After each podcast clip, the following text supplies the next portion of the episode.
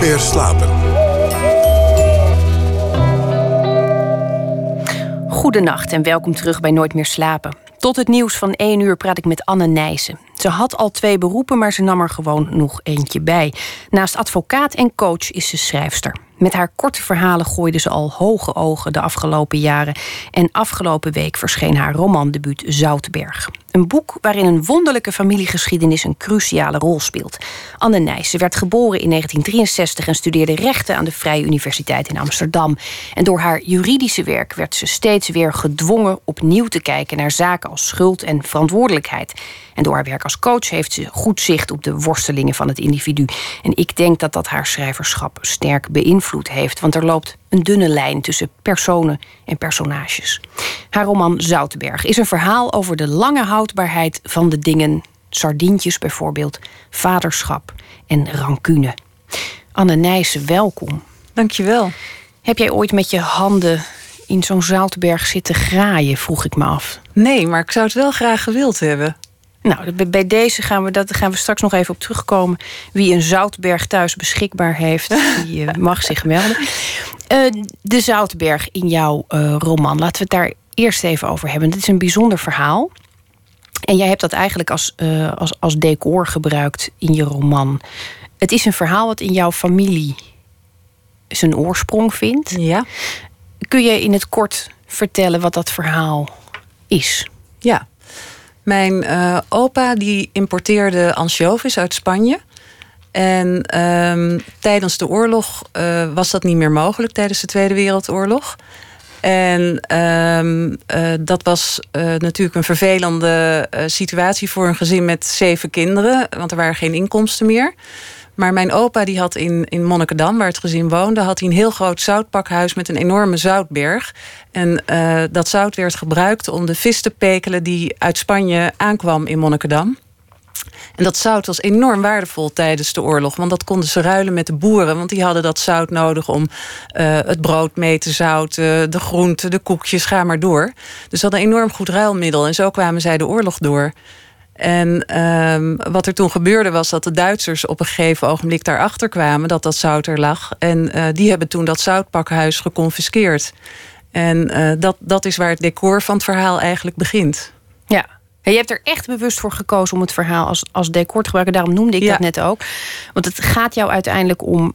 Uh, eigenlijk niet om dat verhaal, maar wat het, wat het, wat het voor invloed heeft gehad uh, op, op de personages. Je schrijft um, in dit boek over twee mannen mm -hmm. van in de tachtig die terugkijken. En ik vroeg me gelijk al af. Jij bent een uh, vrouw en een flink stuk jonger. Um, nog, nog verre van oud. Mm -hmm. Dan moet je je gaan verplaatsen in, in een bejaarde man. Ja. Twee keer zelfs. Ja. Hoe, hoe is dat proces verlopen? Waar, begon, waar begon dat idee uh, om, om een personage te kiezen? Want het is je had ook een, een makkelijker personage kunnen ja. kiezen. Nou, het, het, is eigenlijk begonnen um, vijf jaar geleden. Toen ben ik met, met deze roman begonnen. Um, en mijn ouders die, die waren alle twee toen rond de 80. Uh, ze zijn nu alle twee rond de 85. En dat is toch wel een, een, moment dat je daarover gaat nadenken, over leeftijd. Als je ouders 80 worden, uh, dan zie je toch dat, uh, ja, dat het lichaam minder gaat functioneren. Uh, dat de wereld toch wat kleiner wordt. En dat vond ik best wel confronterend om te zien. Ja, omdat ik toch heel erg connected ben met mijn ouders. En ja, je gaat ook over je eigen leeftijd nadenken, maar ook over hoe kort eigenlijk nog de afstand is totdat je zelf 80 bent, als je dat gaat halen. En hoe belangrijk het is om nu de dingen te doen die je wil doen in je leven. Maar omdat ik me zo aan het verplaatsen was in, in hoe het was om 80 jaar te worden, uh, ja, dat komt bij mij dan in zo'n boek terecht. Ik verwerk heel veel dingen uh, op het moment dat ik aan het schrijven ben. En uh, ja, dan komt er dus een hoofdpersoon van 80 jaar. En omdat het verhaal dat met zich meebracht, werd het er twee. Het waren er aanvankelijk meer. Daar kom Mhm. ik straks, straks ook nog even op terug. Um, want je, je, nou ja, vijf jaar geleden begint zo'n boek in je hoofd. Dat legt Ja. natuurlijk een hele lange weg af. Ja. Je wist, ik heb twee mannen, ik heb dat zoutpakhuis. Ehm, dan ga je die mannen terug laten kijken. En eh, eigenlijk zijn ze allebei ehm, nog steeds aan het, aan het wachten op iets wat gebeurt. Dat, dat, Ja. dat is dus blijkbaar heel goed mogelijk dat je dat op je tachtigste nog steeds aan het doen bent. Ja, dat denk ik wel. Waar, eh, waar wachten ze op? Laten we dat even. Dat is misschien, dat is misschien goed om dat even eh, te benoemen. Want het zijn dus twee mannen die Ja, eh, ook, ook fysiek van elkaar gescheiden leven in een ander land. ja, de relatie stamt uit hun jeugd Ja. die ze met elkaar hebben. ja. Toen waren ze elkaars beste vriendje. En doordat de een misschien onbedoeld de ander verraadt, is, is die vriendschap eraan gegaan. En ze hebben elkaar sinds hun twaalfde dus eigenlijk nooit meer gezien, sinds hun vijftiende. Eh, en als ze tachtig zijn, dan eh, is die ontmoeting eh, voor het eerst weer. Maar er zit wel een heel mensenleven tussen. Ja, want de een heeft eigenlijk zitten wachten op wanneer komt hij. De een in, die in Spanje woont, Oscar, die heeft eigenlijk zitten wachten om in contact te kunnen komen met Paul. Want die wil heel graag, graag vergeving. Dat is eigenlijk zijn thema aan het leven, dat hij graag vergeving wil. En Paul, eh, die heeft eigenlijk zoveel mogelijk willen vergeten. Heeft niemand verteld wat er gebeurd is in de oorlog, omdat hij zich daarvoor schaamt. Eh, en zit nu aan het eind van zijn leven te wachten om de relatie met zijn zoon te verbeteren.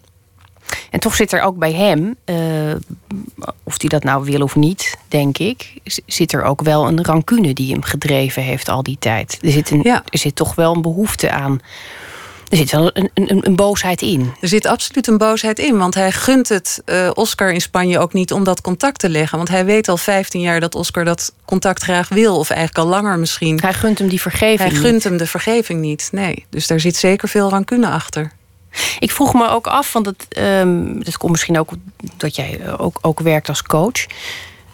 Er wordt tegenwoordig heel vaak gezegd: je moet vergeven, anders kom je niet verder. Mhm. En ik dacht toen ik dit boek las, misschien is rancune eigenlijk ook een hele drijvende kracht. Ik denk dat het een, een sterkere kracht is dan vergeven. hè. Vergeven is loslaten. Ja, Eh, en rancune eh, kan heel drijvend zijn.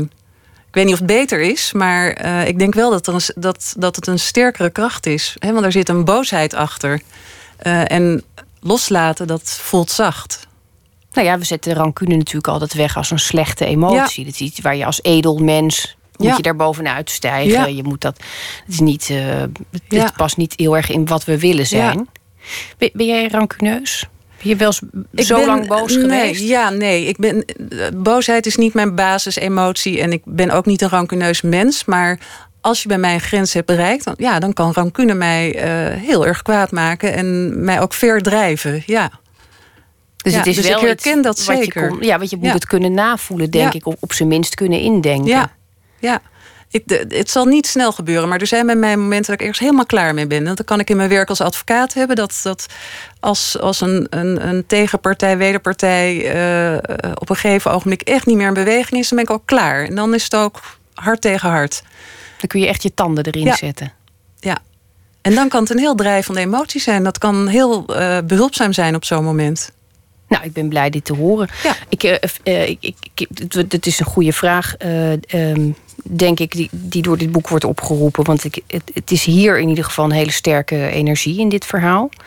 Ehm, als jij nu kijkt, dat je zegt net, ik, ik, kan, ik kan dus ook mijn tanden erin zetten als het nodig is. Dat, dat is. dat is de advocaat in jou. Ja. Je bent daarnaast coach. Ik kan me voorstellen dat je daar weer een hele andere houding aan moet nemen. En nu ben je schrijver. Mhm. En wat die drie dan voor mijn gevoel met elkaar gemeen hebben, is dat je een, een, een, een wil moet hebben, denk ik, om je te verplaatsen in een ander. Absoluut, ja. Ik denk dat dat voor mij ook echt eh, de gemene deler is. En dat, dat is ook ehm, ja, wat mijn drijver in het leven is. Ik, ik ben heel geïnteresseerd in andere mensen. Ehm, en in alle drie die professies eh, kan ik daar heel veel mee doen.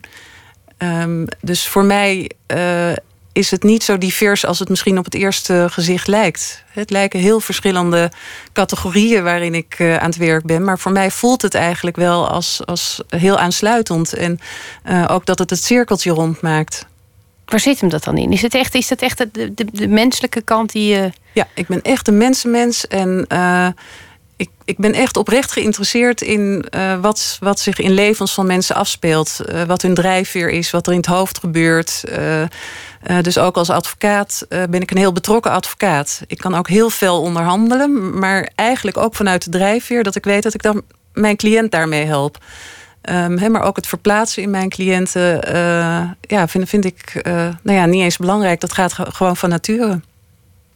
Werkt dat dan twee kanten op? Kun je dan ook verplaatsen in, in, in mensen die hele nare dingen doen? Ja. En daar voel je ook geen terughoudendheid in. Je kunt, je... Nee. Ik, wie wie er als advocaat hè, achter mijn bureau komt zitten, maakt niet zoveel uit. Um, ik doe geen strafrecht. Ik denk dat dat belangrijk is om erbij te vermelden. Ik ben een civilist. Um, dus ik krijg geen uh, criminelen. En ik denk dat dat een heel bewuste keuze van mij is geweest. Want dat zou ik niet kunnen. Want daar zou ik waarschijnlijk wel een oordeel over hebben. Um, maar ik, ik zit uh, in het arbeidsrecht en letselschadezaken. Dus dat is allemaal niet zo heel heftig. En als iemand op staande voet ontslagen wordt en bij mij komt zitten, dan treed ik op voor de werknemer en dan verplaats ik me daar volledig in. Uh, als ik toevallig de werkgever uh, als partij zou krijgen, verplaats ik me helemaal de werkgever. En dan vind ik het vreselijk wat die werknemer heeft gehad. Zelfde zaak, maakt niet uit. Ligt er net aan wie mijn cliënt wordt. En daar verplaats ik me helemaal in. Uh, en ja, dat, dat werkt erg goed voor mij. en ook voor de cliënt, denk ik.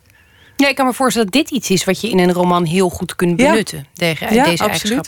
Je bent niet begonnen met schrijven. Je had ook kunnen zeggen, heel jong in het leven, je, je wist dat je die interesse had in, in, in de mens, die, die, neiging om je te verplaatsen. Je had ook de creatieve kant op kunnen gaan, maar je ging rechten studeren. Ja. Het is nou niet een beroep waarbij ik denk, jongen, jongen, jongen, wat een flitsend creatieve. Nee. Nee, nee wat ik zelf denk is dat ik, ik ik was als kind vrij uh, verlegen. Verlegen, maar toch, toch nog niet echt ontpopt. En ik heb gewoon tijd nodig gehad om uit mijn schulp te kruipen. En um, ik, ik ben daar een hele tijd mee bezig geweest om steeds de lat wat hoger te leggen. En dingen te doen die ik eigenlijk niet durfde. Um, en uh, rechten studeren durfde ik wel. Maar was voor mij een, een nieuw startpunt in mijn leven van na de middelbare school van nu of nooit. Ik moet, nu moet ik uit die schulp komen, anders gaat het niet meer gebeuren. Dus ik ben er gewoon echt wel 10 à 15 jaar mee bezig geweest om die lat steeds wat hoger te leggen. Totdat ik echt mezelf helemaal had uitgevonden. Uh, en, en zoiets had van, nou, nu ben ik 100% Anne. En toen kwam die tijd voor, uh, en ruimte voor de creativiteit. Die, die, die schulp waar je uit moest kruipen, waar bestond die uit? Is dat willen voldoen aan het plaatje wat, wat, wat, je, wat je krijgt? Ik bedoel, iedereen krijgt een plaatje mee. Ja, ik, uh, ik heb me toch op de middelbare school inderdaad wel uh, uh, in een keurslijf geduwd gevoeld van hè, dat mensen dachten dat ze wisten wie ik was. En hè, er zat een meisje bij mij in de klas en die ging dan af en toe op de tafel staan en dan ging ze dansen en, en net doen alsof ze een microfoon had en iedereen zat dan te klappen. En ik dacht als Anne Nijssen dat doet, dan denkt iedereen, huh? Wat doet Anne nou? Uh, dus dat, en terwijl ik zoiets had, ja, maar die kans zit ook in mij. Alleen durfde ik die er niet uit te laten komen. Wie dachten zij dat jij was? Uh, wat was het beeld dat er van je bestond? Ja, een serieus, uh, serieus meisje die goed kon leren en heel betrokken was bij alles. Ik was absoluut niet iemand die, die in het hoekje zat. Ehm, geen muurbloempje. Maar ook niet degene die op de tafel stond te dansen. En dat wilde ik af en toe wel. Dat wilden we allemaal, Anne. Ja, hè? Was jij, um, maar je komt uit een uh, gezin met een uh, vader met een heel goed betaalde, drukke baan. Mm -hmm. eigenlijk een heel klassieke verhouding. Een, een, moeder die voor de kinderen zorgt, een vader die het geld uh, verdient. Was het thuis iets wat je meekreeg? Dat er hard gewerkt moest worden, dat je serieus moet zijn en, en, en dat je misschien niet met die microfoon op de tafel moest gaan staan dansen? Nou, dat laatste niet. Het is wel zo dat mijn vader altijd zei, zeker als meisje, ik ben, ben het enige meisje, ik heb twee broers, van uh, een meisje moet wel in staat zijn om haar eigen broek op te houden. Dus dat, dat is wel een boodschap die ik meegekregen heb. Ja. Dus het harde werken werd er wel, dat, dat, dat was al een, een, een... Nee, dat niet zozeer. Niet, uh, maar wel van je moet je talenten benutten. Um, he, dus ik denk niet uh, dat mijn ouders het heel leuk hadden gevonden als ik de HAVO was gaan doen terwijl er VWO in zat. He, dus ze hadden wel zoiets, je moet uh, wel de talenten benutten die erin zitten. Ja. Ja, daar stonden ze wel voor. En je had niet de wens toen je klaar was op de middelbare school om naar de kunstacademie te gaan. Die, die, die hunkering naar creativiteit nee. was toen nog niet. Nee, ik, ik, ik heb wel de hunkering al gehad als kind uh, om te schrijven. Um, ik weet nog dat ik tien was, uh, dat er een schrijfwedstrijd was bij de uh, bibliotheek in Amstelveen. En uh, daar kon je voor één gulden een pocketboekje kopen met een hele mooie kaft. En die was van binnen helemaal leeg. En de titel van dat boekje was Schrijf je eigen verhaal. En dan moest je binnen drie maanden moest je dat volgeschreven inleveren. En dan kon je de wedstrijd winnen. En dat boekje was voor mij zo kostbaar. En ik heb er nooit een woord ingeschreven. Want ik was doodsbenauwd dat ik verkeerd zou beginnen. En dat ik het niet kon herstellen. Dat is natuurlijk heel fijn van die computers tegenwoordig. Maar uh, ik had zoiets van ja, maar dit moet briljant zijn wat hierin gaat geschreven worden worden. Dus dat, dat was voor mij een heel kostbaar boekje. En dat uh, lag bij mijn bed. Maar nooit een woord ingeschreven toen. Dus het was gewoon de tijd er nog niet voor. Maar ik wist het wel. Ik vind het wel een heel mooi beeld. Ja. Voor iemand die, uh, die, die, die hunkert om een verhaal te gaan schrijven... en dat niet durft omdat ze voelt op hoeveel manieren het mis kan gaan. Ja. Het klinkt ook een beetje alsof je eigen... Uh, intelligentie, ja, het is misschien niet, niet alleen intelligentie, ook gewoon verantwoordelijkheidsgevoel dat je in de weg heeft gezeten in, de, in die nou, fase. Zeker, ik denk dat dat he, die, die periode is geweest van de terughoudendheid van niet op de tafel gaan staan dansen. Want als je op een tafel staat dansen, ja, dan schrijf je dat hele boek toch even vol. dus ik had toen een terughoudendheid als kind uh, uh, die me zeker belemmerd heeft. Is schrijven eng? Nee, het is heerlijk. Ja. Je zegt het heel overtuigd. Ja. Ik geloof daar nooit iets van. Uh, Nee, ik denk altijd, eh, maar dat komt natuurlijk ook omdat je dat aangeleerd krijgt dat schrijven een grote worsteling is, wat het natuurlijk ook is. Maar dan zou ik het niet doen. Het is voor mij echt. Uh, hey, ik, ik werk heel hard, vier dagen in de week in, in de advocatuur en als coach. En de vrijdag is mijn schrijfdag al heel lang. En dat was voor mij uh, tot voor kort dan, maar was gewoon puur hobby. Pure ontspanning. Echt die vrijdag in een andere wereld duiken. Mijn fantasie de vrije loop laten. Het hoefde nergens toe te leiden. Ik stopte ook gewoon weer halverwege.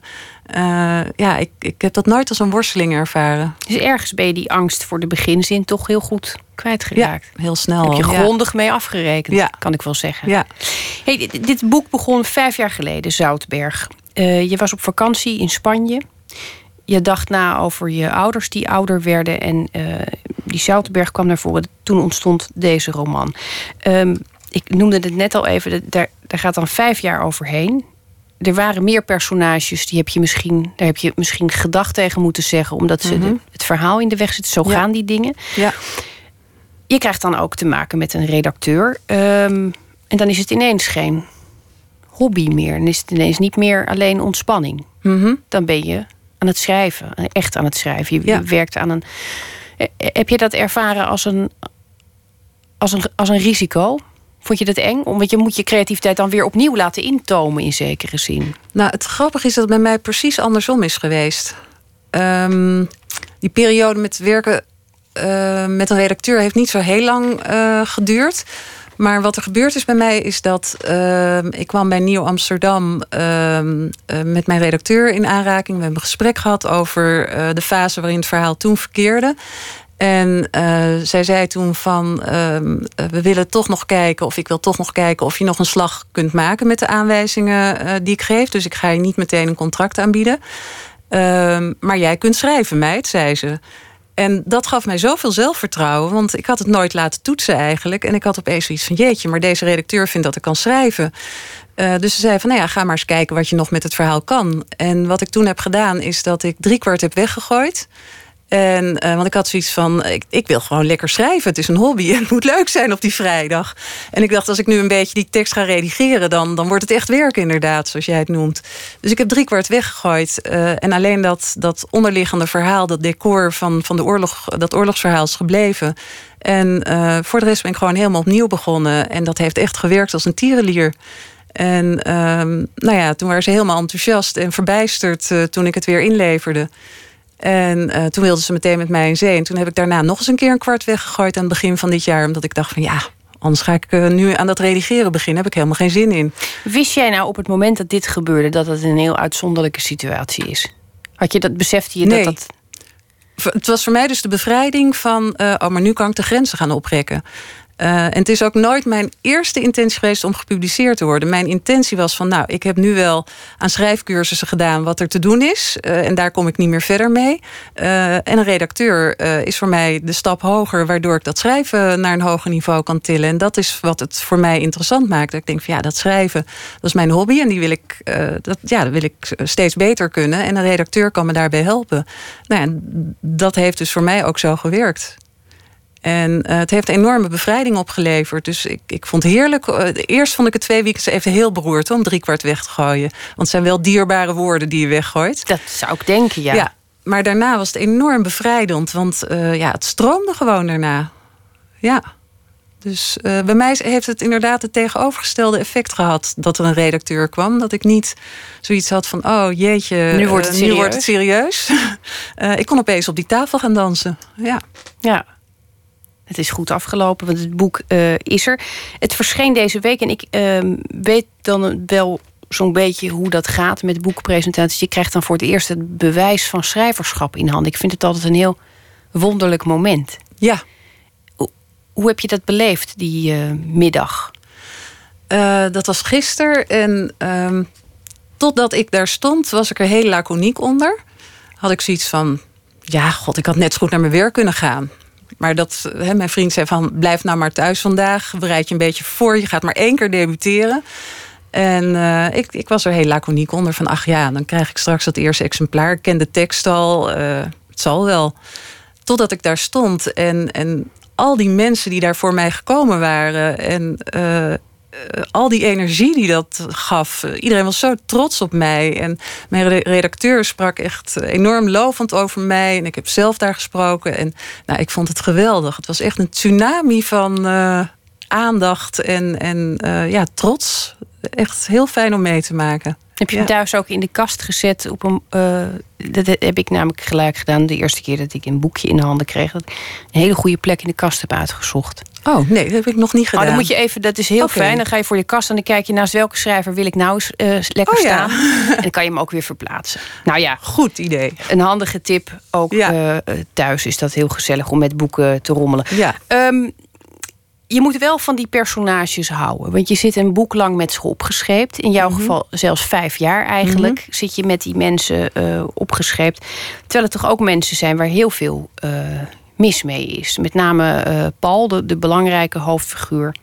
Die heeft een moeizame, om het zacht uit te drukken, relatie met zijn zoon. Mhm. En ik dacht, als die man bij jou zou komen in je rol als coach die mhm. zegt, nou, ik, ik, ik, ik, zit enorm met mijn eigen vaderschap in de knoop. Dan zou je misschien denken, wat een zak. Of denk je dat nooit? Nee, dat denk ik nooit. Uh, omdat ik me zo goed kan voorstellen dat iedereen weer met zijn eigen dingen aan het worstelen is. Uh, net zoals ik met mijn dingen heb geworsteld, zo hebben andere mensen uit onmacht is het allemaal, hebben ze ook weer hun problemen waar ze mee worstelen. Ja, en die onmacht kan ik me gewoon zo goed voorstellen. Uh, dus ik denk nooit van uh, wat een zak. Maar uh, natuurlijk heb je daar wel een oordeel over, ergens stiekem achter in je hoofd. dus dat heb ik ook zeker bij mijn eigen hoofdpersoon, bij Paul. Wat vind je van hem? Wat, wat, voor, wat voor man is het in jouw ogen? Ja, nou, het is iemand die zich afgesloten heeft. hij heeft zich enorm geschaamd voor wat er in de oorlog gebeurd is, zijn aandeel daarin. En uh, uh, is eigenlijk naar binnen gekeerd, terwijl hij naar de buitenwereld uh, de indruk wekt van heel succesvol, een snelle man, veel verdienen. maar zijn emoties laat hij niet zien. En daardoor heeft hij mensen ook van zich afgedreven. daardoor is zijn huwelijk mislukt. Maar nog belangrijker, heeft hij nooit echt een contact gekregen met zijn zoon. Omdat hij dat nooit heeft durven aangaan. Omdat hij weet hoe mis het kunt gaan. zijn, zijn bloedbroedervriendje van vroeger, uh, ja, die heeft het helemaal verknald. En uh, hij is gewoon ontzettend bang om zo'n intens contact uh, aan te gaan met iemand waarvan hij houdt. En, het is eigenlijk door die ene gebeurtenis, het, het verraad van zijn jeugdvriendje, is, is, is een heel groot deel van zijn latere daden bepaald. Ja. Kijk jij ook zo naar mensen? Dat, dat, dat, dat, dat een, een, een onmacht, een klein gegeven, iets in je jeugd zo verrijkt. Dat, dat je daar eigenlijk als mens ook maar met, met twee linkerhanden tegenover staat? Ik kan me het heel goed voorstellen dat het gebeurt. Uh, ik, ik, denk dat het lang niet altijd zo is. Maar ik kan me wel voorstellen dat er dingen in je leven gebeuren. Het hoeft niet alleen in je jeugd te zijn. Uh, maar die bepalend zijn voor de rest van je leven. Onbedoeld. Maar maakt het uh, ons dan niet tot hele onmachtige wezens? Ja, maar dat, dat is natuurlijk toch de worsteling met, met de emoties uh, die we een plaats proberen te geven in ons leven. Uh, wat de ene keer beter lukt dan de andere keer. Uh, en dat hangt natuurlijk ook heel erg samen met de intensiteit. Hè? In dit geval met, met de schuld die zo'n persoon voelt. En ik denk zeker bij, bij schuld um, die niet opzettelijk veroorzaakt is in een leven. in dit geval toch per ongeluk. Het waren kinderen. ja, ze hebben fouten gemaakt. maar ik denk wel dat dat schuldgevoel de rest voor je leven bepalend kan zijn. Ja. Ik vind ook een. ik ik vind het ook altijd zo'n griezelig idee dat het, dat het zo vroeg in je leven dat er iets, iets, iets, iets knakt. Of een knop wordt omgezet en dat je dus de, de rest van je leven daar last van houdt. Ik ja. Vind, vind het eigenlijk ook een beetje uh, treurig. Ja, maar ik denk wel dat dat iets is wat bij ontzettend veel mensen voorkomt. Uh, en dat je gezegend bent als het niet zo is. Uh, en het hoeven dan helemaal niet zulke dramatische gebeurtenissen te zijn als dit. Maar ik denk dat er achter gesloten deuren heel veel dramatische situaties zich voordoen met kinderen. En dat weet ik natuurlijk ook vanuit de advocatuur. de, de kinderverwaarlozing of kindermishandeling. Wat er allemaal achter die deuren gebeurt, je wil het niet weten. dus ik denk dat, dat je gezegend bent als je als kind helemaal ongeschonden er doorheen komt. Maar ja, dan kom je natuurlijk toch ook alweer heel snel terecht in, in die discussie. Ja, nou ja, ik ken heel veel mensen met een, met een slechte jeugd of met een raar probleem. En die zijn wel heel goed opgedroogd. Dus het, is, het mag vooral nooit een excuus uh, vormen. Nee. En uh, Paul, in dit geval, het hoofdpersonage, heeft toch wel eens een keer een beetje de neiging af en toe om zichzelf in dat opzicht te vergoeilijken. En daarom zeg ik ook, ik kan me voorstellen als hij bij jou komt als persoon en ja. zegt dat, dat je dan af en toe ook wel denkt: Jezus, wat een. Ja. Nou ja, zeker ook. Het is natuurlijk wel heel jammer als je zo oud bent en je hebt er nooit wat mee gedaan. Uh, ik heb altijd heel veel respect voor uh, de mensen die bij mij komen voor een coachsessie. Uh, dat ik denk, ze doen het toch maar wel mooi. Ze gaan er nu wat mee doen. En ik heb ook mensen gecoacht die 70 of 75 waren. En dat ik dacht, nou, petje af dat je er toch nog voor kiest op die leeftijd om het probleem ter hand te gaan nemen. En jammer dat ze het niet vroeger hebben gedaan, maar beter dan nooit. Ja, nou, dat geldt ook voor jouw hoofdpersonages. En, en, en in welk opzicht dat moeten mensen uh, vooral gaan lezen, denk ik. Ja. Um, ik wens je heel erg veel geluk met komende boeken. Dank je wel. Uh, dat je er was, Anne Nijssen. was leuk om te doen. Straks na het nieuws gaan we verder met het tweede uur van Nooit meer slapen. Dan krijgen we verslag vanaf het Lowlands Festival en we spreken met Miek Swamborn over het uh, actuele gebeurtenis van vandaag. Dat na het nieuws van 1 uur.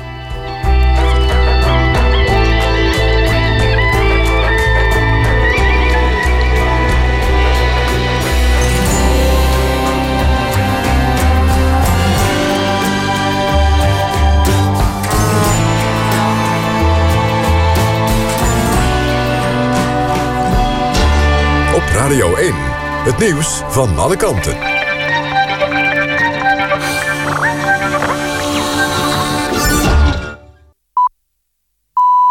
1 uur, Kirsten Klomp met het NOS-journaal. De Franse minister Cazeneuve heeft de twee mannen bedankt... die afgelopen avond in een Thalys-trein een man met een Kalashnikov hebben overmeesterd. Volgens Cazeneuve hebben de twee Amerikaanse militairen in Burger... een bloedbad voorkomen en het leven van veel mensen gered. In de Thalys van Amsterdam naar Parijs probeerde een man van 26... aan het einde van afgelopen middag om zich heen te schieten. De Amerikanen wisten dat te voorkomen, maar raakten daarbij zelf gewond. Een van hen verkeert in levensgevaar. De trein is na het incident naar de Noord-Franse stad Arras gereden. Daar is de schutter gearresteerd. De passagiers zijn opgevangen. De meeste zijn later alsnog naar Parijs. Het Openbaar Ministerie van Guatemala en een onderzoekscommissie van de VN beschuldigen president Molina van corruptie. Hij zou een van de leiders zijn in een groot corruptieschandaal dat het land al maanden in zijn greep houdt. Ambtenaren van de douane en de Belastingdienst vervalsten invoerdocumenten... waardoor de regering van Guatemala zo'n 200 miljoen euro per week misliep. Gisteren werd voormalig vicepresident Baldetti opgepakt. Ook zij wordt verdacht van betrokkenheid bij het corruptienetwerk. VN-secretaris-generaal Ban Ki-moon roept Noord- en Zuid-Korea op tot kalmte. Ban doet een beroep op de landen om de spanning niet te laten escaleren. Noord-Korea heeft gedreigd met militaire acties als Zuid-Korea niet ophoudt met het uitzenden van propaganda via luidsprekers in het grensgebied. Noord-Koreaanse militairen hebben gisteren de luidsprekerinstallaties beschoten. In de Eredivisie is afgelopen avond één wedstrijd gespeeld. FC Groningen won in eigen huis van 2-0 met 2-0 van Excelsior. Dan nog het weer. Het koelt vannacht af tot een graad of 15. Overdag is het zomers warm met middagtemperaturen tussen de 25 en 28 graden. Vanaf zondag neemt de kans op regen en onweer toe. Dit was het NOS Journaal. NPO Radio 1. VPRO. Nooit meer slapen.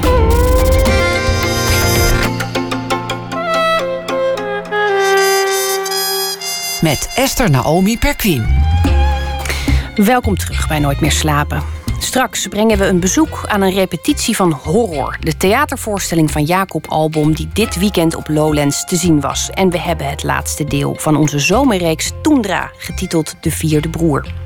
Maar we beginnen zoals u van ons gewend bent, met proza dat reageert op het nieuws van vandaag. En deze week doen we dat met schrijver, dichter en beeldend kunstenaar Miek Swamborn.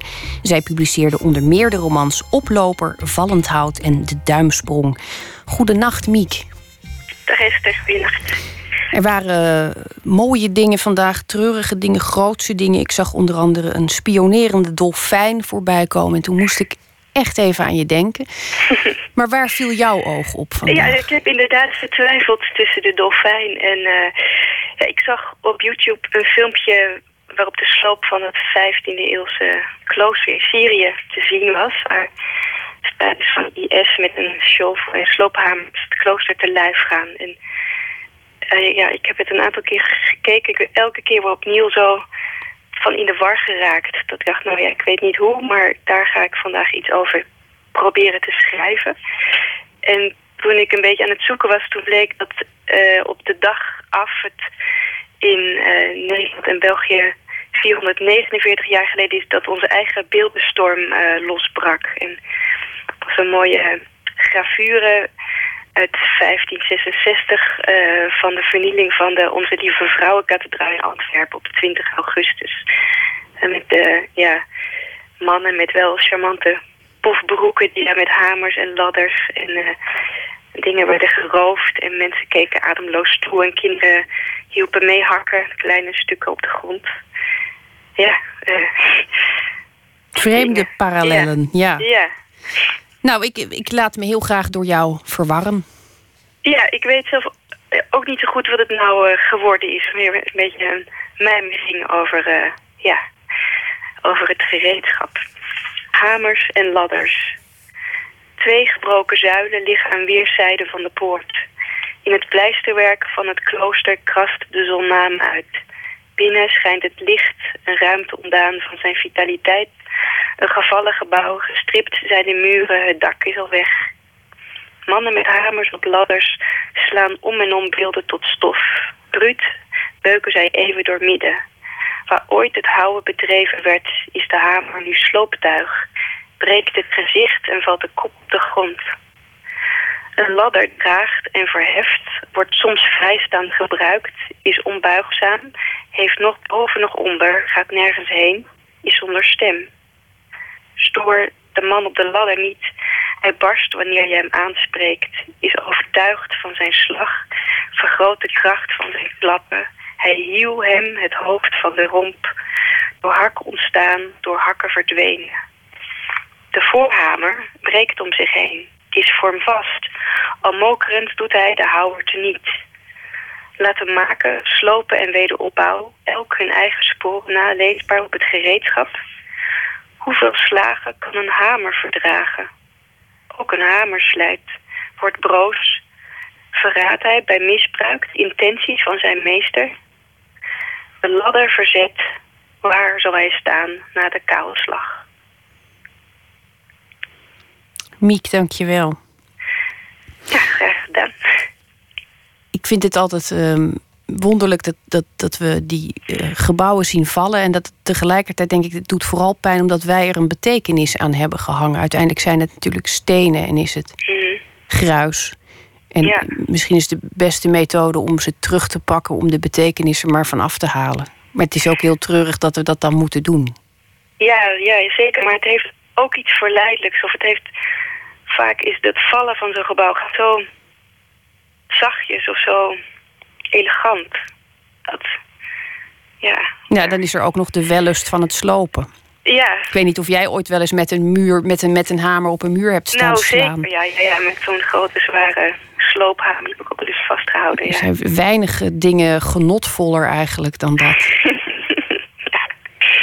ja, dat is wel waar. Ja, maar we deden het vast met betere intenties, denk ik Ja, dan maar. eh, absoluut, om, om ons eh, in de luwte te houden. Ehm Miek, dank je wel voor je bijdrage deze week. En ik eh, wens je een eh, hele goede, rustige slaap. Ja, jij ook straks. Dank je wel. Dag. In het tweede seizoen van True Detective is het opnieuw de muziek die de aandacht trekt. Zoals dit prachtige nummer van Lyra Lynn, dat zij speciaal voor de serie schreef: My Least Favorite Lie.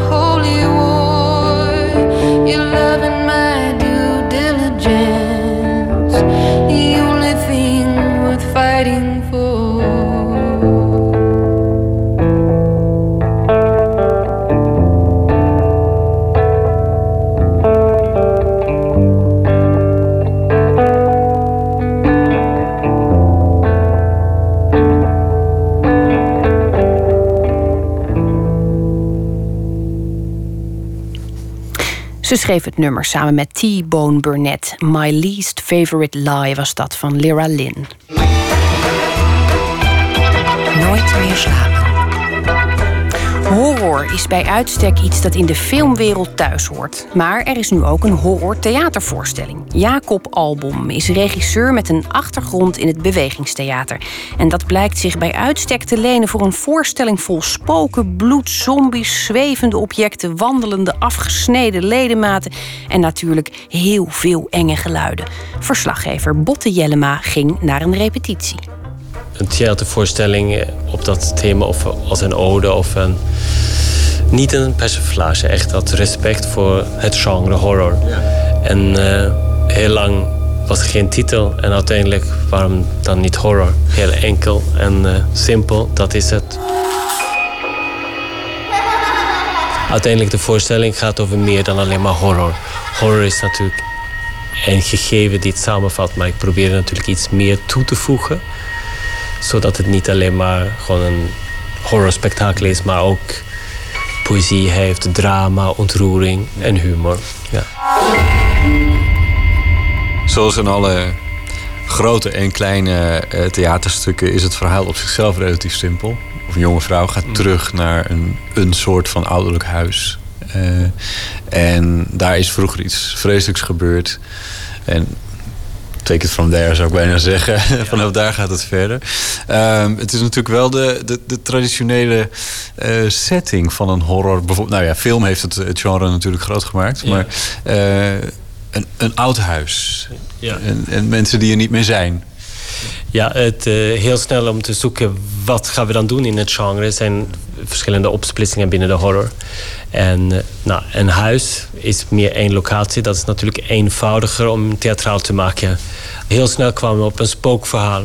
Natuurlijk, om dat dan te gebruiken. En het was ook de bedoeling om ook dan referenties te geven aan uh, bestaande horrorfilms wat mensen kennen. En ik denk dat omdat horror inderdaad een filmgenre is en eigenlijk geen echte theatergenre.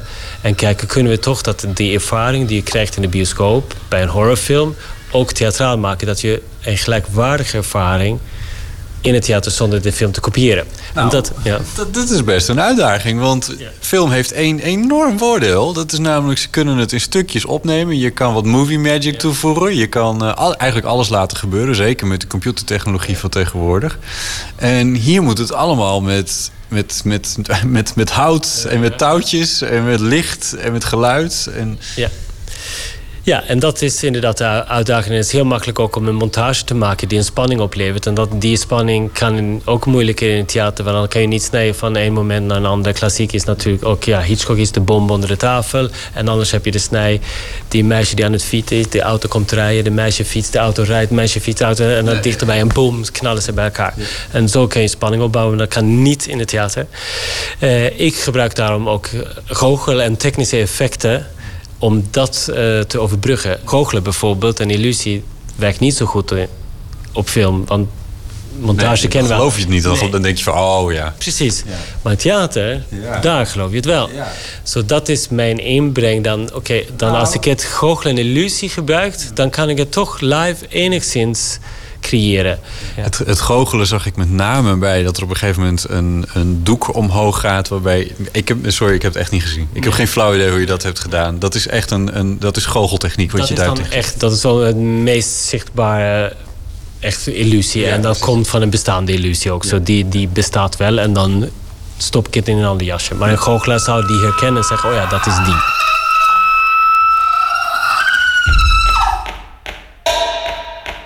Je bent van oorsprong bewegingstheatermaker. Ja. En dat had ik niet meteen bij elkaar gebracht. Maar het werkt fantastisch. Ze kunnen natuurlijk als zombies bewegen. Ja, nee, het, het, dat, zo is het ook ontstaan dat het niet echt textueel is. En dat mijn achtergrond is van de meme. En, uh, ja, meme is bewegingstheater. Ja, ja, dat zou je...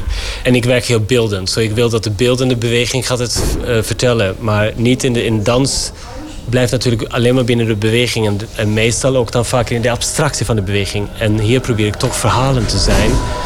Maar zonder uh, tekst te gebruiken om een verhaal te vertellen.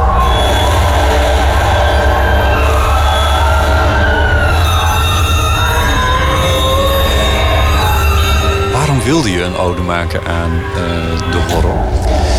Ja, het is heel lang geleden begonnen. Eigenlijk is het de, de, de waarschijnlijk de fantasie, de, fantasie de, grote fantasie en, en de visuele effect in horror, die de oorzaak is oorspronkelijk.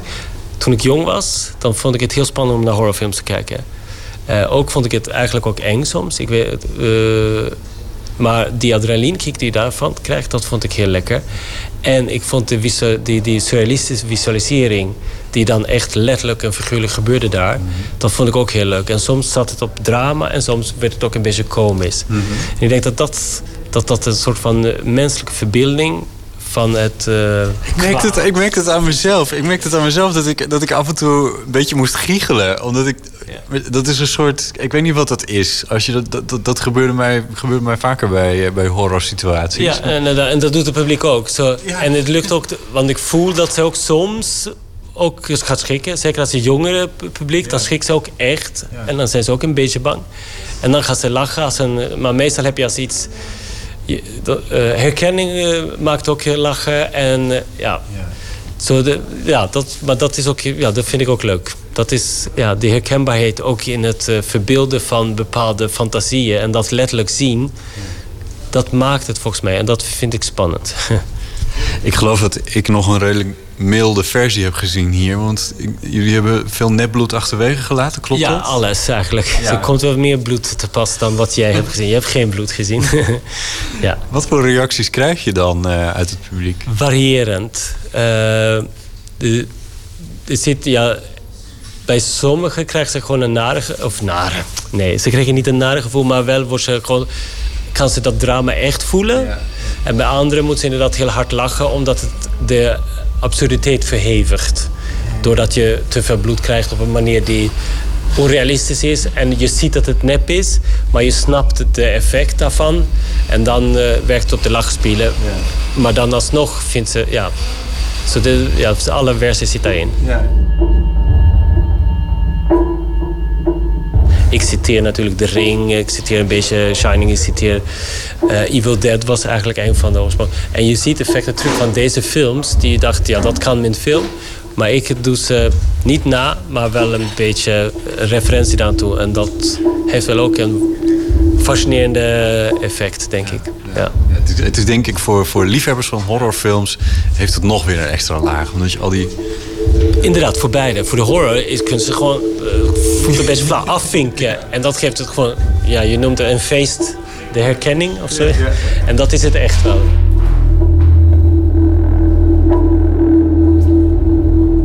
Uh, natuurlijk wordt het heel snel overheen gezien hoe, hoe ingenieus dingen eigenlijk uh, in elkaar zitten. Als we dit maken, dan is het echt als een klokspel. Maar niet alleen maar op effect, ook echt ook op uh, wat er gebeurt. Zo in dit geval is het ook zoeken naar de, de onderliggende drama. En ik denk dat dat ook de kracht maakt. En de humor. De humor is niet plat gemaakt om mensen te behagen en grappig te maken, maar ook om over de mens te praten. En in die zin is de horror ook over menselijke angsten. En voor mij is de inhoudelijke de drama van, als je het nu heel bot opzet, gaat het natuurlijk over kinderen die mishandeld worden in een familie. En hoe dat trauma hun blijft achtervolgen. Ook al proberen ze het later te redden in het leven. En dat dat achtervolgt. En hoe ga je dat soort trauma's verwerken? En horror, dat vind ik leuk met de horror genre. Is een genre die dat vaak verbeeldt. Wij zien dat meestal niet omdat we alleen maar dat grote effect van horror zien. Maar in veel, vooral goede horrorfilm, is het, gaat het juist over dat soort dingen. En dat heb ik proberen hier ook op te tillen. Dat het ook een menselijke drama zit. En daar waar angst aan eh, geworteld is. En dan gebruik ik de vorm om ook visueel en ook humor en ook sympathie te kweken om mensen daarin mee te gaan. En dat is een belangrijk aspect en daar wordt evenveel over nagedacht, over dat aspect, als over de effecten.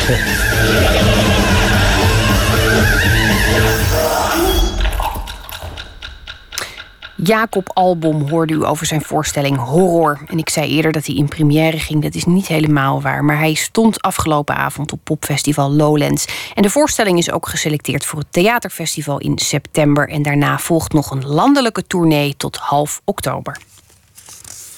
Op Lowlands treedt ook Lianne La Havas op. Ze is nog maar 25 jaar, deze Britse zangeres. En van haar tweede album Blood is dit het nummer Ghost.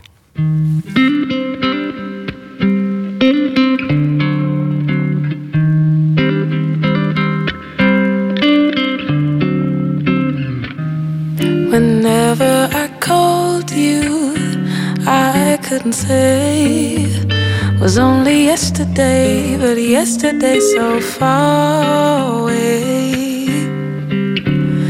What's the ETA?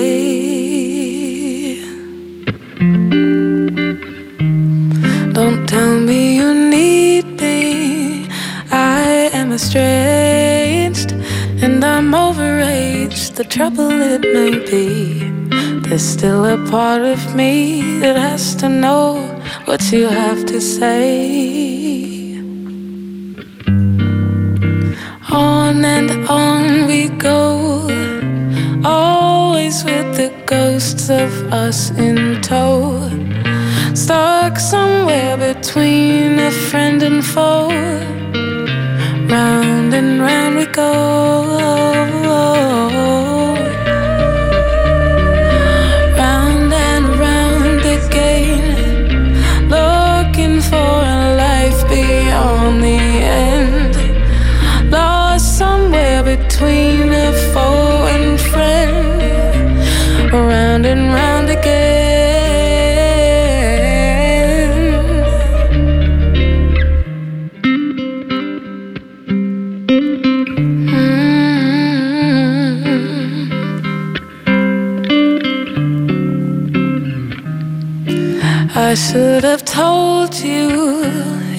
I'm to blame.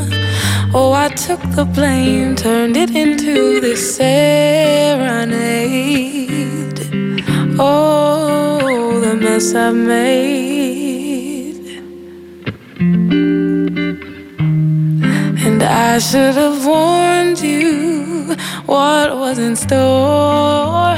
But I was so, so sure I wasn't haunted anymore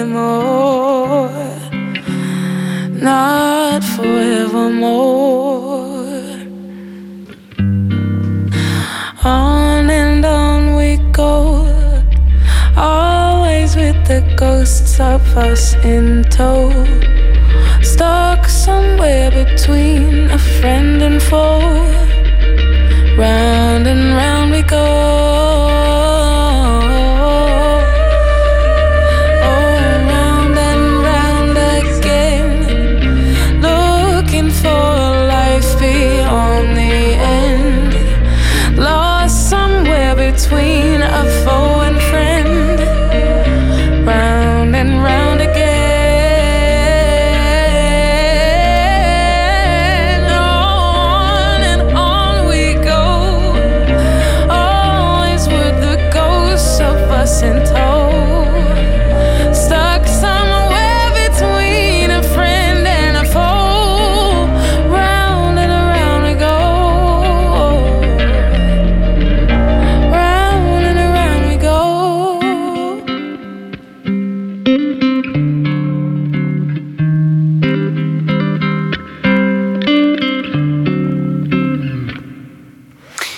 Een stem met zowel Griekse als Jamaicaanse roots. De Britse zangeres Liana La Havas was dat met Ghost. Nooit meer slapen. Iedere vrijdag bellen we voor een culturele tip met een van VPRO's smaakmakers. En vandaag doen we dat met Atse de Vrieze, muziekjournalist bij 3 voor 12... die zich, als het goed is, op het festivalterrein van Lowlands bevindt. Atse, goedenacht. Ja, goedenacht. Ja, de, de nacht is hier nog in volle gang. Het gaat hier tot een uur of vijf door. Dus eh, eh, nooit meer slapen, indeed. Ja, en je bent nog in eh, keurige onbeschonken toestand voor ons aan het luisteren en aan het kijken. Tuurlijk. Ja. Hey, het is de eerste niet uitverkochte editie in meer dan tien jaar. Ja. Wat merk je daarvan als bezoeker? Is dat een, een relevant gegeven eigenlijk? Ja, je merkt het wel. Je merkt toch wel dat er wat, net wat meer ruimte is op het terrein. En dat, het, is, het is zeker niet eh, leeg, eh, dat helemaal niet. Maar je merkt toch dat er, eh, ja, het is, is een man of 10.000 minder. En dat merk je natuurlijk gewoon wel. Het lijkt mij een hele prettige omstandigheid eigenlijk, als ik eerlijk Ja, ben. dat is eh, zeker niet vervelend. Nee. Maar er zijn ook wel gewoon eh, plekken geweest waar het gewoon hartstikke ramvol was vandaag hoor. Eh, bijvoorbeeld bij Underworld, de oude mannen. Maar ook eh, eh, een nieuwe Engelse zanger, James Bay. Daar kon je de tent amper binnenkomen. Dus ja, dat zijn, eh, dat zijn gewoon, gewoon eh, hele succesvolle optredens geweest. Ja, het heeft dus geen impact op de sfeer. Nee hoor, zeker niet. Is er iets vandaag waar je bijzonder enthousiast over bent? Laten we daar beginnen. Ja, de laatste eh, show van het, eh, van het dagprogramma, zeg maar, was van eh, Caribou. Dat is een band uit Canada. Die bestaan eigenlijk al behoorlijk lang, maar zijn vijf jaar geleden echt doorgebroken naar een wat groter publiek. En nu met een album dat vorig jaar uitgekomen is, hebben ze weer een stap gemaakt. Het is wel een bijzondere band, want eh, ze zijn echt een, eh, een, ja, een viertal, zeg maar, maar ze maken elektronische muziek. En dan zie je toch niet zo vaak die combinatie. Ehm, dat het dan echt als, uh, als, als band goed werkt. Nou, vorig jaar hebben we die band op Best Kept Secret onder andere gezien. Toen kwam het eigenlijk nog niet helemaal uit de verf. En nu was het gewoon heel mooi in balans. Lekker ruw, een beetje overstuurd, maar tegelijkertijd ook heel warm en melancholisch. Vond ik echt heel erg goed. Was jij daar een, een van de velen of was dat nou net een minder bezocht uh, onderdeel? Nou, daar was, uh, daar was ik wel benieuwd naar van tevoren. Hoeveel mensen dat nu inmiddels uh, op zouden pikken. En daar was hartstikke druk. Dat vond ik, ja, dat was goed om te zien. Kijk, dan is er toch iets goed gegaan. Zeker weten, ja. Hey, de afgelopen jaren werd vaak het woord plichtsgetrouw genoemd. In plaats van, uh, van opzienbarend of spraakmakend als het over het uh, programma gaat. Het, Ja. het festival is natuurlijk nu net een dag bezig. Maar wat is jouw vermoeden? Hoe gaat deze editie straks de boeken in? ja, plichtsgetrouw, dat klinkt wel, wel, wel heel negatief. Kijk, kijk, Lowlands is de afgelopen jaren toch een beetje een soort samenvatting geworden van wat er in het clubcircuit gebeurt en wat er op de radio gebeurt. Uh, ja, er zijn avontuurlijker festivals, maar er is ook altijd wel wat te ontdekken op, uh, op Lowlands. Uh, ik, ik, denk zelf dat met name de zondag de boeken ingaat als een, als een hele goede dag. Kendrick Lamar is hier dan. Dat is de belangrijkste Amerikaanse rapper van het moment. Ook iemand die heel erg zich uitspreekt over bijvoorbeeld alle spanningen rond de Amerikaanse gemeenschap op dit moment. De politie, het politiegeweld, de zoektocht naar de, de roots en het plek geven van het slavernijverleden en dat soort dingen. Ja, dat wordt gewoon een heel bijzonder optreden. En ook de enige, zijn enige show in Nederland. Ja, dat is altijd een uh, goede bijkomstigheid natuurlijk in dat opzicht. Ja. Zijn er andere dingen die je uh, vandaag opvielen en in negatieve zin? Zijn er dingen die je echt tegenvielen waar je van, uh, waar je van weggelopen bent? Ja, dus, nou, er zijn, ik moet zeggen dat er vandaag wel wel best wel veel dingen waren die ik niet zo heel erg goed vond. All Time Low was er bijvoorbeeld. Dat is een, ja, een soort pop-punk. Heel erg voor, op jonge meisjes gericht. En ook heel erg van de flauwe humor. Uh, ja, voor mij hoeft dat niet zo. Limp Bizkit was hier. Een soort fabeldrager van een van de allervreselijkste muziekgenres die we ooit gekend hebben. Namelijk de new metal. Een soort kruising tussen uh, hip-hop en metal. En nou ja, die band die is toch, toch op de een of andere manier nog wel heel erg populair. Voor mij hoeft dat niet zo. maar ja, ach. ik denk voor de, voor de komende dagen komen er veel mooie dingen aan. En ik denk met name ook nachten zien er heel goed uit. Vannacht is, uh, is al een goede nacht, maar met name morgen is er wel eentje waar ik persoonlijk heel erg naar uitkijk. Ja, wat, wat, wat is het in de nacht dat jou morgen uh, wakker gaat houden? Nou, het, het allermooiste is in, in een van de kleinste tenten hier, de X-Ray. Daar staat een uh, groep die noemt zichzelf de Love Triangle. Een beetje een uh, cheesy, cheesy naam. Dat zijn drie jongens uit Amsterdam die uh, elkaar ontmoet hebben in, de, in Club Trouw. Die club die inmiddels er niet meer is. Die is begin dit jaar gesloten. Maar dat is een hele toonaangevende club. En ja, die, die jongens die gaan hier nu met z'n drieën drie uur lang draaien morgen. En ik verwacht dat dat gewoon, los van het feit dat zij alle drie goede DJ's zijn dat dat een soort extra vibe mee gaat brengen. Omdat zij het ook samen gaan doen en de vriendschap en het, nou ja, hun historie met Lowlands. Uh, dat, dat wordt gewoon een hele bijzondere avond, denk ik. Nou, we zullen je niet bellen morgen. Dan kun je daar ja, in ieder geval nee. volledig van gaan genieten.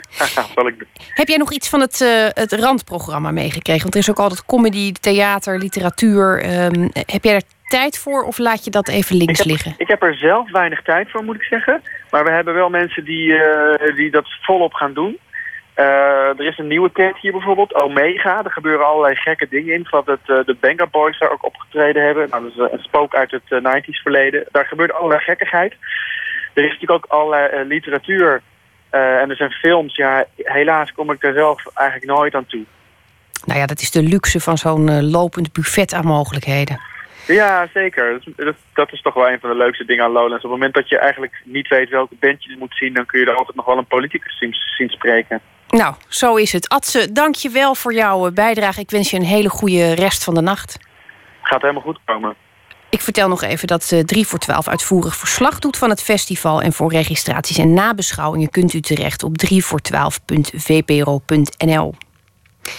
En in september komt Honeymoon uit, het nieuwe album van de Amerikaanse zangeres Lana Del Rey. Als voorproefje de single High by the Beach.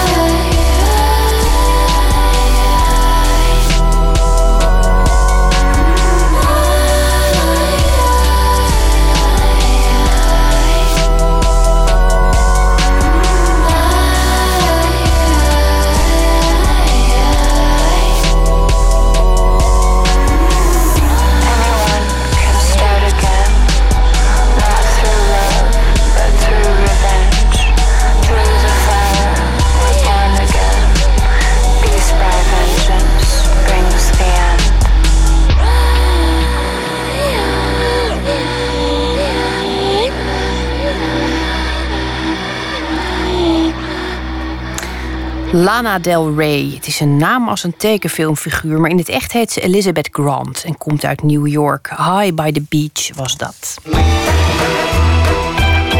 Nooit meer slapen. We zijn toegekomen aan het laatste deel van Toendra, onze zomerserie met korte documentaires. De vierde broer heet dit verhaal, gemaakt door Laura Stek, over een jonge man die van de ene op de andere dag verdwijnt in het niets.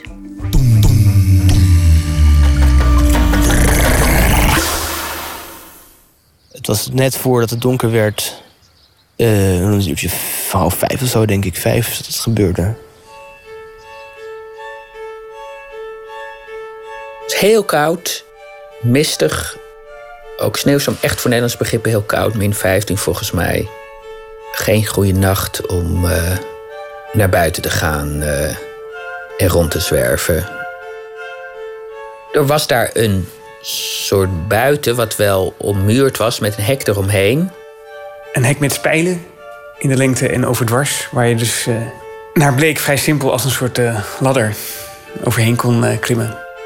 Daar was Christian overheen geklommen. Toen weggelopen, vanaf dat moment eh, verdwenen. Hij was een op zekere hoogte moeilijk te vatten en soms een beetje ongrijpbaar en mysterieus. En zo is hij ook verdwenen. Hij is ook op een mysterieuze, ongrijpbare manier verdwenen.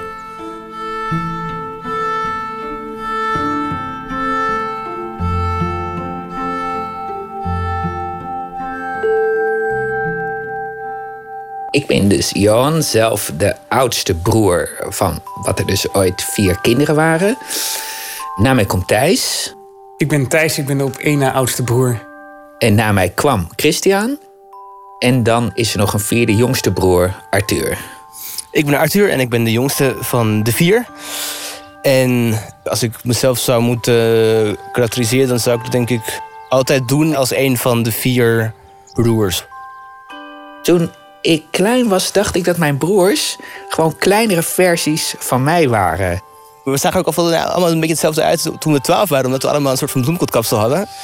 Er werden ook op school vergeleken met bijvoorbeeld de Daltons van Lucky Luke, die vier broers. Ja, daar stonden we wel bekend om, ja.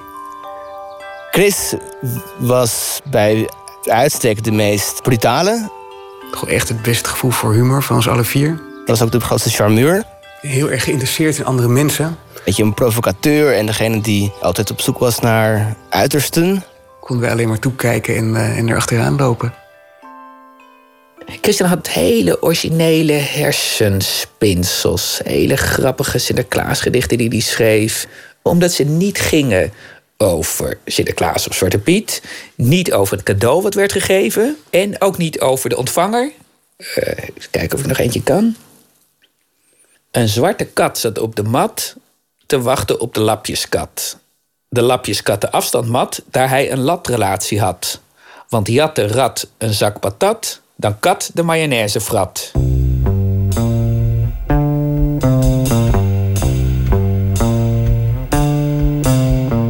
Ik keek eigenlijk een beetje op tegen Christian, omdat hij allemaal dingen deed die ik nooit had gedaan. Hij durfde zoveel meer dan ik zelf zou durven. Ijskranen beklimmen, dat soort zaken. Hij had altijd overal fietsen die, die bij elkaar sprokkelden en weer aan elkaar lasten en eh, in elkaar zetten. En Dat hij op een gegeven moment zoveel fietsen had verzameld... dat hij elke dag op een andere fiets naar school kon komen... en die fiets vervolgens in de gracht gooien. En wat Christian bijvoorbeeld deed, eh, was dan een spreekbeurt houden over strieken. Dus dan ging hij zelf even strieken in de klas. Ik ga die spreekbeurt naakt geven. Ik dacht die morgen van ja, dat, doe je dat zo wel, dat durf je toch niet. Maar hij heeft het wel maar gedaan. En er waren gewoon mensen die zeiden, nou, is een beetje gek. Er waren heel veel van dat soort dingen die hij deed... die net een beetje over de grens gingen van wat ik me kon voorstellen. Volgens mij ook wel van wat hij zelf kon voorstellen. Maar hij deed het wel altijd. En dat maakte hem dus heel erg ehm, nou ja, bewonderenswaardig, maar ook ongrijpbaar. Ik heb hem meestal laten, laten meeslepen door zijn behoefte aan vrijheid. Het was heel aanstekelijk.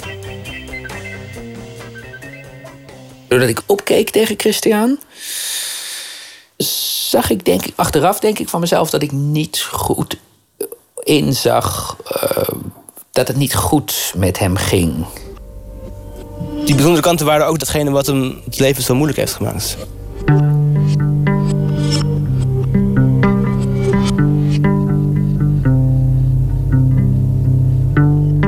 Later ging Christian een woonboot huren. En ik ben met hem gaan kijken bij die boot. Ik zei van nee, dit, dit kan niet. Er zit namelijk niet eens een vloer in deze boot. Zo was hij ook echt officieel onbewoonbaar verklaard. Dat was dus allemaal een beetje dat onderdeel van dat bohemien-achtige... wat ik wel heel cool vond aan hem, heel spannend vond. En Johan die vond het eigenlijk ook spannend, denk ik, die ging daarbij wonen. Op die boot houtkachels gemaakt en het was een hele koude winter. We leefden eigenlijk een beetje in een ongezond ritme. En we zaten dus veel te filosoferen en grammofoonplaten te luisteren en hout te zagen voor die kachels. En ik studeerde toen en Christian deed zelf nog niks. En hij vertelde me, ja, hij zat te wachten tot er iets zou gebeuren. En ik ging nog wel eens naar de gewone wereld, naar de universiteit. Kwam ik van die, die woonboot in een TL-zaaltje. En dan zag ik dat mijn nagels vies waren of uh, mijn kleren vies. En dacht ik, oh ja, nou, de volgende keer moet ik me toch een beetje opfrissen. Dus ik had nog een beetje contact met de, de gewone wereld. En dat had Christian op dat moment niet. Dus toen begon ik me wel een beetje zorgen te maken.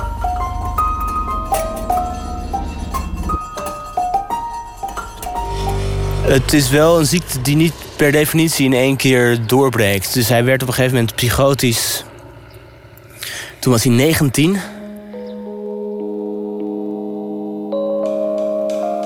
En toen moet die diagnose zijn gesteld.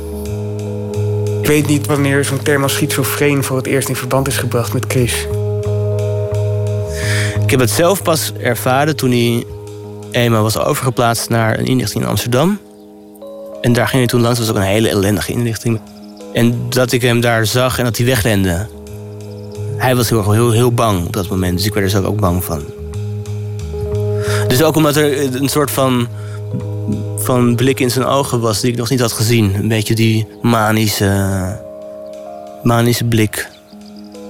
Ik denk dat dat het eerste moment was dat ik zijn kwetsbaarheid zag.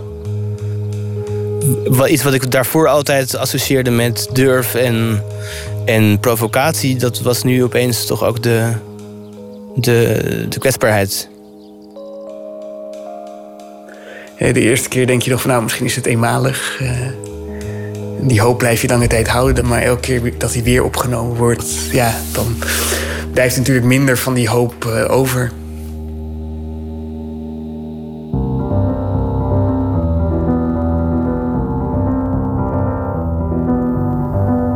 zo um, dat er ook bij die opnames soms fases waren. Dat Christian heel overtuigend en charmant kon zijn. Dan mocht hij niet naar buiten.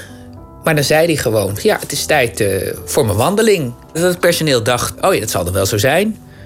Voor Christian was het extra moeilijk omdat hij zoveel gesteld was op zijn, op zijn vrijheid en, zijn uh, ongebonden leven. En dat hij dus toch de hele tijd werd teruggeroepen door weer opnieuw uh, ziek te worden en onder een, uh, een dosis verdovende middelen gezet te worden. Hij liep altijd weg. Dat was, paste dus ook heel erg bij zijn, bij zijn persoonlijkheid. Hij had een beetje scheid aan, aan regels. En sterker nog, als er regels waren, dan waren die er om doorbroken te worden. Dus, en soms ging het ook wel goed, want soms liep je dan weg en kwam je ook gewoon de dag erna weer terug. Maar die laatste keer dus niet.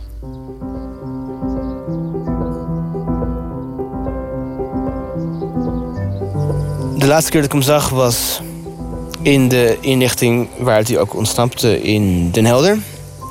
En toen was hij, um, was hij eigenlijk heel, uh, een heel goede doen. De mensen van de verplegende gezegd: maak het niet te lang.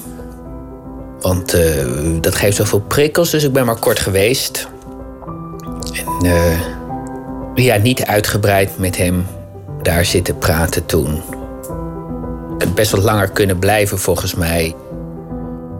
We hebben meer over koetjes en kalfjes gepraat. En veel verder dan over het weer en over de kwaliteit van het eten in de kliniek zal het niet gegaan uh, zijn. En het was dus op 5 januari. 5 januari 2010.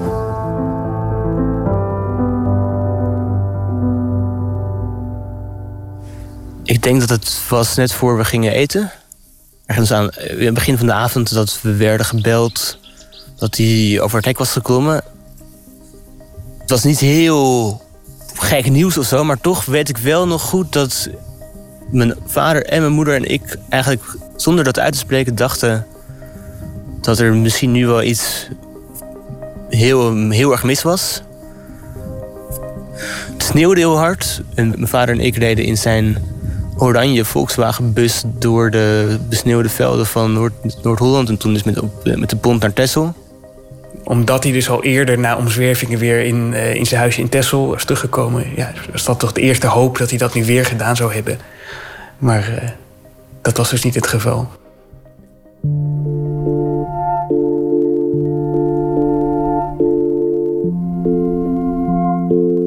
Toen zijn we nog wekenlang daar gaan zoeken. Wat lastig was dat we natuurlijk niet wisten hoe je zoiets aanpakt. Want we hadden nog nooit gedaan, naar een vermiste persoon zoeken. Maar het was ook jammer nog niet zo dat de politie ons daar tips kon geven. Ik weet nog dat Johan Thijs en ik bij het politiekantoor in Den Helder aankwamen. En dat we daar een flyer wilden opplakken. En dat die dienst toen de politieagent zei... Hey, je mag hier geen flyers ophangen. Dus de, de politie deed eigenlijk niks tot het moment dat wij besloten daar op de stoep te gaan staan. We hebben daarna ook nog met allemaal vrienden ook overal briefjes opgehangen en posters en flyers. Echt door heel Nederland zo'n beetje. Zijn televisieopnames ook gemaakt om het nog meer verspreiding te geven. te vinden. Chris, mocht je toevallig deze uitzending zien, ehm, neem dan eh, contact op met je familie, want eh, we willen graag weten waar je bent. Ehm, we hebben ook nog een tijdje gedacht dat hij misschien onder het ijs beland zou zijn. Eh, nog een, een groep met, uh, met speurhondenbezitters ingeschakeld, omdat die honden blijkbaar onder het ijs kunnen ruiken. Uiteindelijk vond ik zelfs nog een boek in de bibliotheek. Maar ja, daar staan dingen in als de eerste 24 uur zijn het belangrijkst. En eh, die waren toen natuurlijk al voorbij.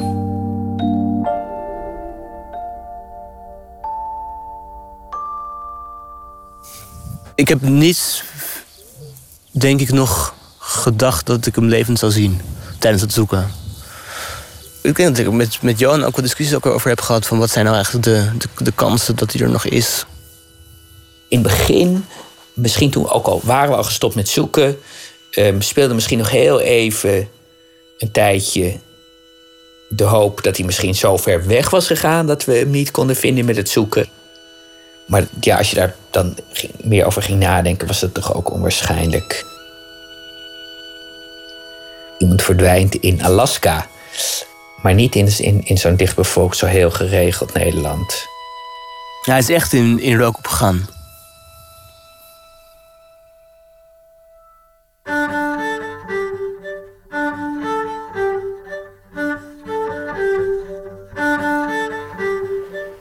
Zijn nu uh, vijf jaar verder. Dus nu uh, is het heel raar om nog iets anders te denken dan, uh, dan dat Chris de zee in is, is gelopen. Dat hij misschien had gedacht: ik ga naar Texel zwemmen. Dat hij iets heeft gedaan wat hij misschien wel helemaal niet wilde, maar wat er wel voor heeft gezorgd dat hij niet meer terugkwam. Maar eigenlijk weten we nog steeds niet wat er gebeurd is. Dat Christian op deze manier verdwenen is, heeft iets. Het is in ieder geval ongebruikelijk en dat past wel een beetje bij hem. Dat iemand dus zo uit het systeem verdwenen is.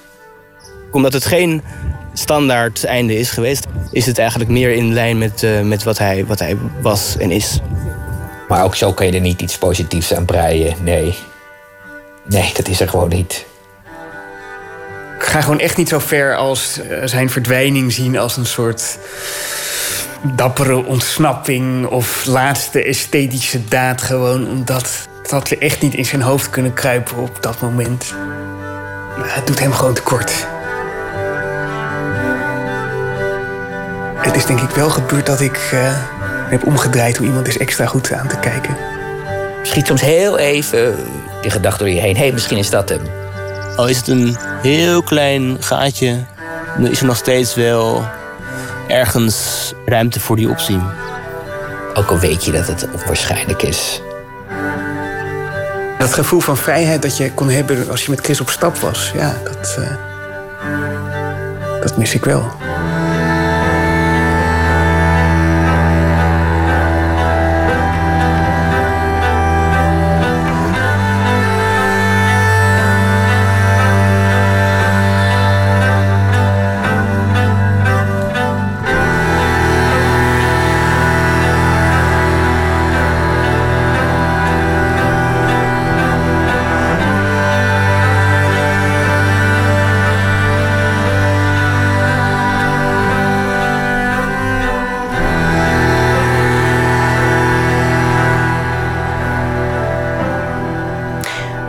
De Vierde Broer, een verhaal gemaakt door Laura Stek. Eindmix Arno Peters en eindredactie Katinka Beer.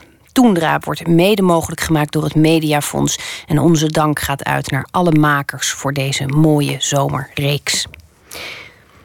In 1999 deed Moby een slimme zet. Hij voorzag de zang van oude blueszangers van een aanstekelijke beat en een dromerige melodie en verkocht miljoenen platen. Heiligschennis vonden puristen en anderen vonden het juist geweldig. Wij houden van allebei. Hier hoort u wat Moby met Joe Lee's Rock deed, het nummer van Boy Blue uit 59. Hij noemde het Find My Baby.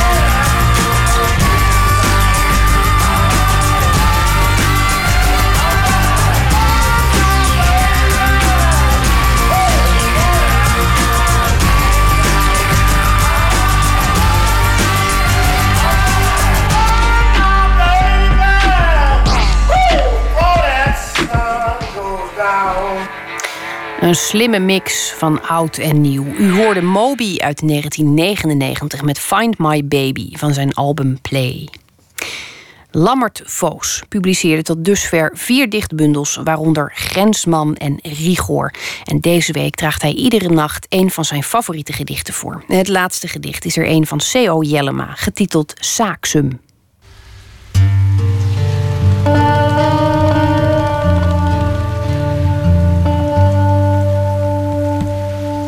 Gedicht van C.O. Jellema, Saaksum. Het gaat over eh, de streek waar ik vandaan kom.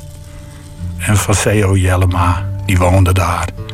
Leerde ik dat je best poëzie over je eigen streek kunt schrijven. Saaksum. Licht getild hoe zwaar ook de klei zich uitstrekt onder stapelwolken. Zo woonden mensen stuk voor stuk, geboren, begraven, stil nu tussen de hagen. Wonen, ook de dood te bevatten als een onbegonnen handeling. Onze handen werk op voorspraak van de getijden, dan wel denkend voltrokken. Niet een eigen eenzaamheid weegt, doch velden voren duldend, opgang in halmen waarin hemel rijpt? Die beeldspraak der aarde ons tot oogst voor de ogen. Kleine terp, verhoogd in een toren. Kraaien zwenken galmgedragen de tijd uit. Waarom onbevangen niet ook de geesten geven, zo aan de winden? Alles is gedachte. Alleen de pijn te moeten sterven, denken wij anders. Lichaam. Lichaam. Harde pijn van onthouding. Troost dan nog het verbeelden? Adem, strofe, lied, het verwaaien. Verskunst voren. Keer om wederkeer, zie de meeuwen. Zeeën herkomst, stapelen wolken boven. Wendakker, graven. Adem woont, en droom om dit kerkhof is het licht van boven. Huiswaarts gedacht dit lichaam opgetild. Een hemel gevaren. Opstand blijft het bestaande. Dankbaar toch. Zijns ondanks gerijpt te sterven. Lichter dan de klei ons voorspelt. Op velden neemt het golvend vorm aan. Beleiding zonder omtrek van wezen. Zonlicht glanst in dakschil, glazuur van zerken, beukenhaag. In al die doorschijning veilig zijn ook wij, ons ondanks. De kunst is dit als beeld te bewonen. En met Saaksum, een gedicht van Seo Jellema, eindigt deze kleine bloemlezing van Lammert Voos. En volgende week hoort u de favoriete gedichten van Thomas Lieske. Ik vertel nog iets over maandag. Dan komt schrijfster Saskia Goldschmidt langs, bekend van de boeken Verplicht Gelukkig en De Hormoonfabriek. Voor haar derde boek, De Volle Koningin, heeft de voormalige actrice en theaterdocent zich laten inspireren door het leven van Laura Dols, pionier van de vintage mode. Dat onder meer maandag. Dan is Pieter van de Wielen hier weer. En straks kunt u luisteren naar Woord met Frank Jochemsen. Ik wens u voor nu een hele mooie nacht.